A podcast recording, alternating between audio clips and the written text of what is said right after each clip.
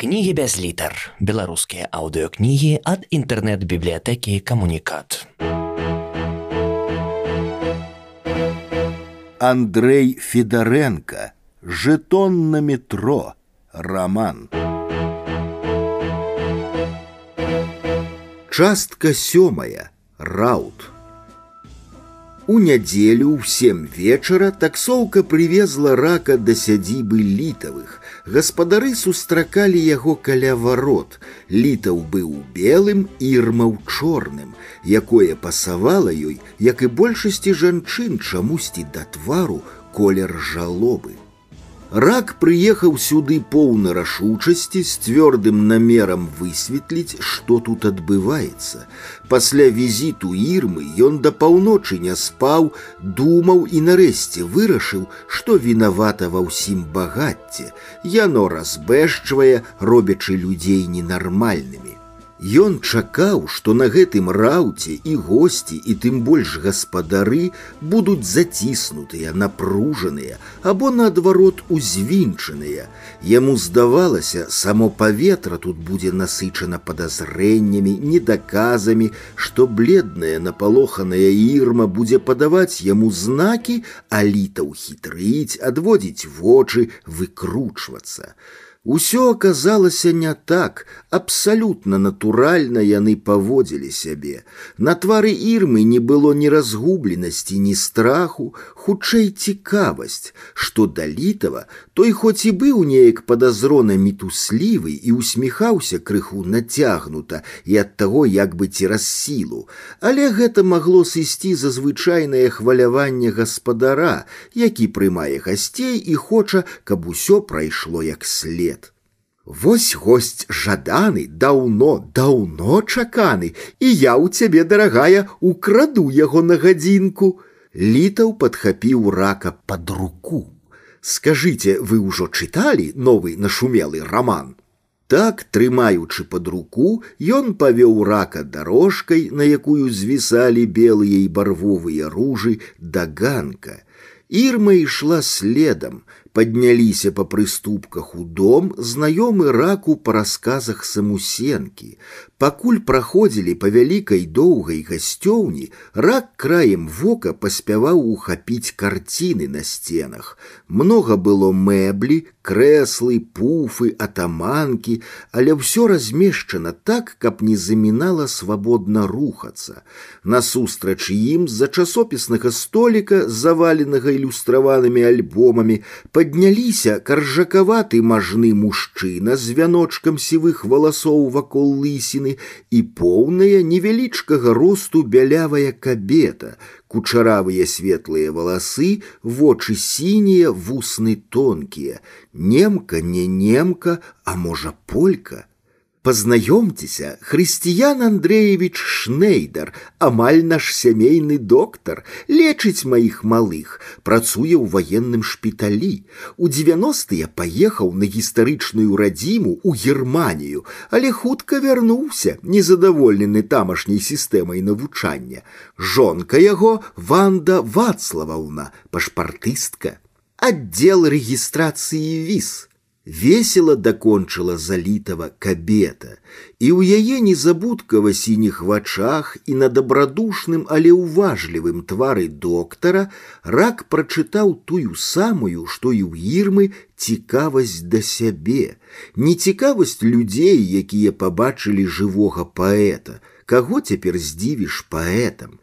Яны разглядалі яго як нейкую рэдкую заморскую жывёлінку ў заапарку. Літаў тым часам дастаў з шафы прадаўгаватую вузкую кардонную скрыначку, падобную на стары школьны пенал і працягнуў раку. Той запытальна падняў вочы. А вы адчыніце маленькі сувенір для паўнаты калекцыі. У скрыначцы шчыльна адзін да аднаго прыціснутыя стаялі вертыкальна сем жэтонаў на метро. Рак высыпаў іх на далонь. Дзе вы дасталі? Даў абвесткі на куфры і на ау. Навошта гэта ж грошы, лішнія вам клопаты, прамармытаў рак, запіхваючы падарунак у кішэню. Якая драбяза, прашу за мною. Ірма засталася з гасцямі, а літаў з ракам прайшлі на вылёт гасцёўню і выйшлі на тэрасу з другога боку з-за пагорка, на якім стаяў дом, касыя промні сонца асвятлялі роўна палавіну двара і сада. Рак зноў падзівіўся, як дакладна стары ўсё апісваў: пагорак, дом, балкон, дворык. Ад дома ўніз разбягаліся дарожкі, высыпаныя аранжавым гравіем. На падстрыжаным ідэальна газоне каля сажалкі ў ценю вербаў бялелі столікі, каля якіх завіхаліся некалькі чалавек. Мы вырашылі арганізаваць наша маленькае свята на свежым паветры, казаў, азіраючыся на госця літаў. Думаю, так будзе зручна, барбекю, ды і проста прайсціся па садзе, спусціліся па драўляных у зямлі прыступках. Калі праходзілі берагам сажалкі, рак заўважыў на паверхні некалькі чырвоных і жоўтых галаватых дэкаратыўных рыбін. Не поверыце, але форма стола мае важнае значэнне, што хвілінна азіраючыся не сціхаў літаў. Ён хваляваўся, цяпер рак бачыў гэта. Каб застолле атрымалася прыемнай падзеяй, а не проста вячэрай, лепш адмовіцца ад ідэі прамавугольнага стола. Лепшы стол не прамавугольны, які надта афіцыйна строгі і не круглы, нязручны для бяседы, а авальнай формы яшчэ попрашу звярнуць увагу на абслугу для маленькіх кампаній трэба адзін кухар адзін афіцыянт адэпт паводле правілаў невялікага раўта спусціліся яшчэ ніжэй у сад Показаўся бункер таксама знаёмы раку запісанняў самусенкі. Не даходзячы, аднак да яго звярнулі да невялікай альтанкі ў зацішным кутку двара. Перад ёй была пляцоўка для барбекю з грылем, каменны агмень з паглыбленнем для вогнішча. Стаялі дзве скураныя, пульхныя, бы надзьмутыя паветрам канапкі. Прошу, сядайте. Зручная мягкая мэбля помагае расслабиться и дае цудоўны адпачынак. Не сціхаў літаў. Нават у прахалодны вечар тут цёпла ад жывога агню, а дах над галавой не толькі аб'яднае сяброў, але і ўратуе ад непагадзі і спёкі. Не ведаю, як вы, а я дык вельмі люблю гэтае месца. Слухаючы яго балбатню, рак спачатку адчуваў нейкае неўразуменне, потым здзіўленне, потым неспакой. Як бы ён нешта забыў і ніяк не можа ўспомніць, і хочацца аглядаць сябе, лапаць па кішэнях, шукаць непарадак у адзенні. Апамятаўся ён, калі літаў асцярожна крануў яго калена, патрабуючы ўвагі Мястэчка патрыархальнае, ціхае, кот, сабака, пеўні, а людзі, галоўныя людзі. Літаў помаўчаў крыху і прамовіў урачыста: « Дык вось, нават там у вас знайшліся чытачы, лепш сказаць чытачкі, на жаль, не удалося толком поговорить. Я только и поспел похвалиться сябровством с вами, показал вашу книжку. Ах, вунь як, цяпер зразумела, а я подумал, что вы подумали? Яна позвонила мне адразу ў той вечар, я подумаў, сама вспомнила. Вы ведали яе? Некалі даўно, як яна жыве. А вось паглядзіце, У руцэ ў літава з'явіўся планшет, і ён пачаў гладзіць пальцам манітор, пракручваючы здымкі. Мільганула атуленае кустоўем рака, высокі рабы хлопец у майцы з пагоняю, дзяўчынка ў акулярах у чырвонай спадніцы, падобная на маладую ірму. Літаў паказваў, а сам уважліва сачыў за тварам рака. Что з вами? Чаму вы такі бледны? Амаль не спаў ноч. Вось і моя ірма, поўня, а можа магнітныя буры, Мабыць, буры. Літаў азірнуўся, помаўчаў і нарэшце загаварыў нармальным голасам, без свайго крыўляння. Я ведаю, вы сустракаліся з ірмаю, бедная жанчына. Мне не зусім прыемна такое казаць. У мяне разрываецца ад жалю сэрца, але я вымушаны быць з ёю строгім, нават жорсткім, каб не даць волю шкадаванню. Справа ў тым, што яна не зусім здаровая.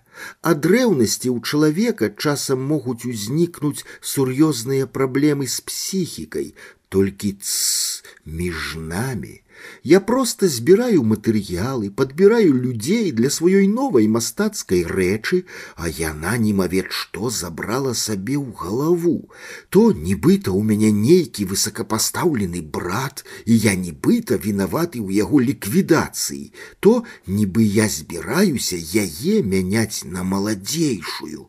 Я знарок попросіў вас раней прыехаць. Я вам раскажу ўсё, а вы ўжо самі зробіце выснову.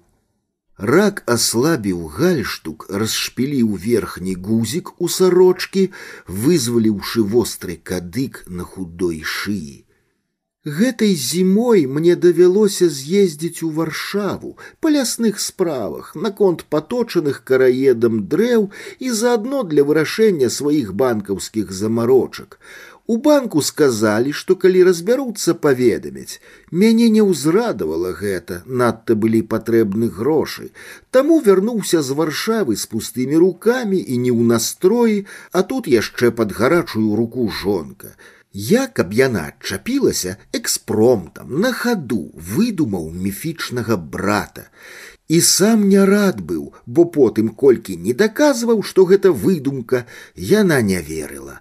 А ў канцы сакавіка прыйшло з банка паведамленне, я ўскрыкнуў ад радасці, ірма пачула, супаставіла з тым ідыёцкім забойствам у Кіеве палітыка.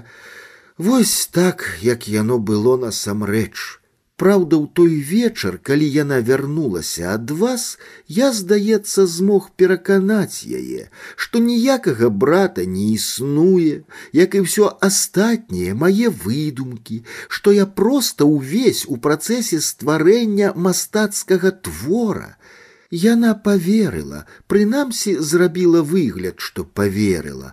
Але хто ведае, што ў гэтай хворай беднай галаве. Пачуліся крокі, і ірма хутка падыходзіла да альтанкі. Мужчынам нягожа так доўга сакрэтнічаць, нашаму паэту сумна з табой, яго трэба яшчэ пазнаёміць.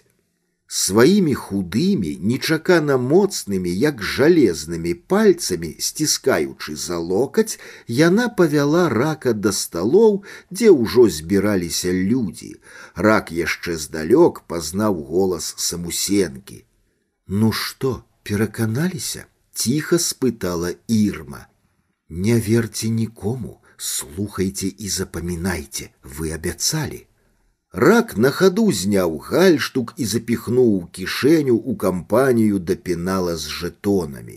У гэты момант літаў дагнаў іх, зноў падхапіў рака пад руку і падвёў да высокага, як асвер сухапарага, як піка чалавека спартыўнага целаскладу, у чорных джинсах у белай кашулі са стаячым каўнерыкам. Чалавек гэты, трымаючы ў руцэ фужэр з віном, уперыўся ў рака немігаючымі вачыма. Калі літаў пазнаёміў, Віктор рак, літаратар, а савец, лесапрадпрымальнік. Ён загаварыў бубнявым голасам, паказаўшы роўныя, але крышку падпсаваныя тытунём зубы. Літаратура тое без чаго не абысціся. Не думаю, даволі непрыязна сказаў рак. Усё жыццё ён ацэньваў іншых мужчын па адным няхітрым крытэрыі, могуць яны падабацца жанчынам ці не, і калі бачыў, што не падабаюцца, адразу адчуваў сімпатыю да такога чалавека. Калі ж разумеў невядома якім чынам, што падабаюцца, імгненна праводзіў віртуальную мяжу паміж ім і сабою, насцярожваўся, натапырваўся, зацінаўся, а насамрэч проста зайздросціў, а савец быў з тых, што жанчынам падабаюцца. Не думаю, паўтарыў рак, літаратура перажывае не лепшыя часы. Колькі яна існуе, столькі ж пісьменнікі сцвярджаюць пра неспрыяльныя для яе часы. Я ж лічу так. Калі б адны людзі не цікавіліся, напрыклад, паэзіяй і не гатовыя былі плаціць за кніжкі грошы, другія людзі іх бы проста не пісалі. Правільна. Рак усё гэткім жа непрыязным тонам адказаў, што ён ведае практычна кожнага са сваіх чытачоў, можа пералічыць іх ледзь не па імёнах, напярод адгадвае іх рэакцыю. Вось і атрымліваецца, што пішаш як бы на заказ.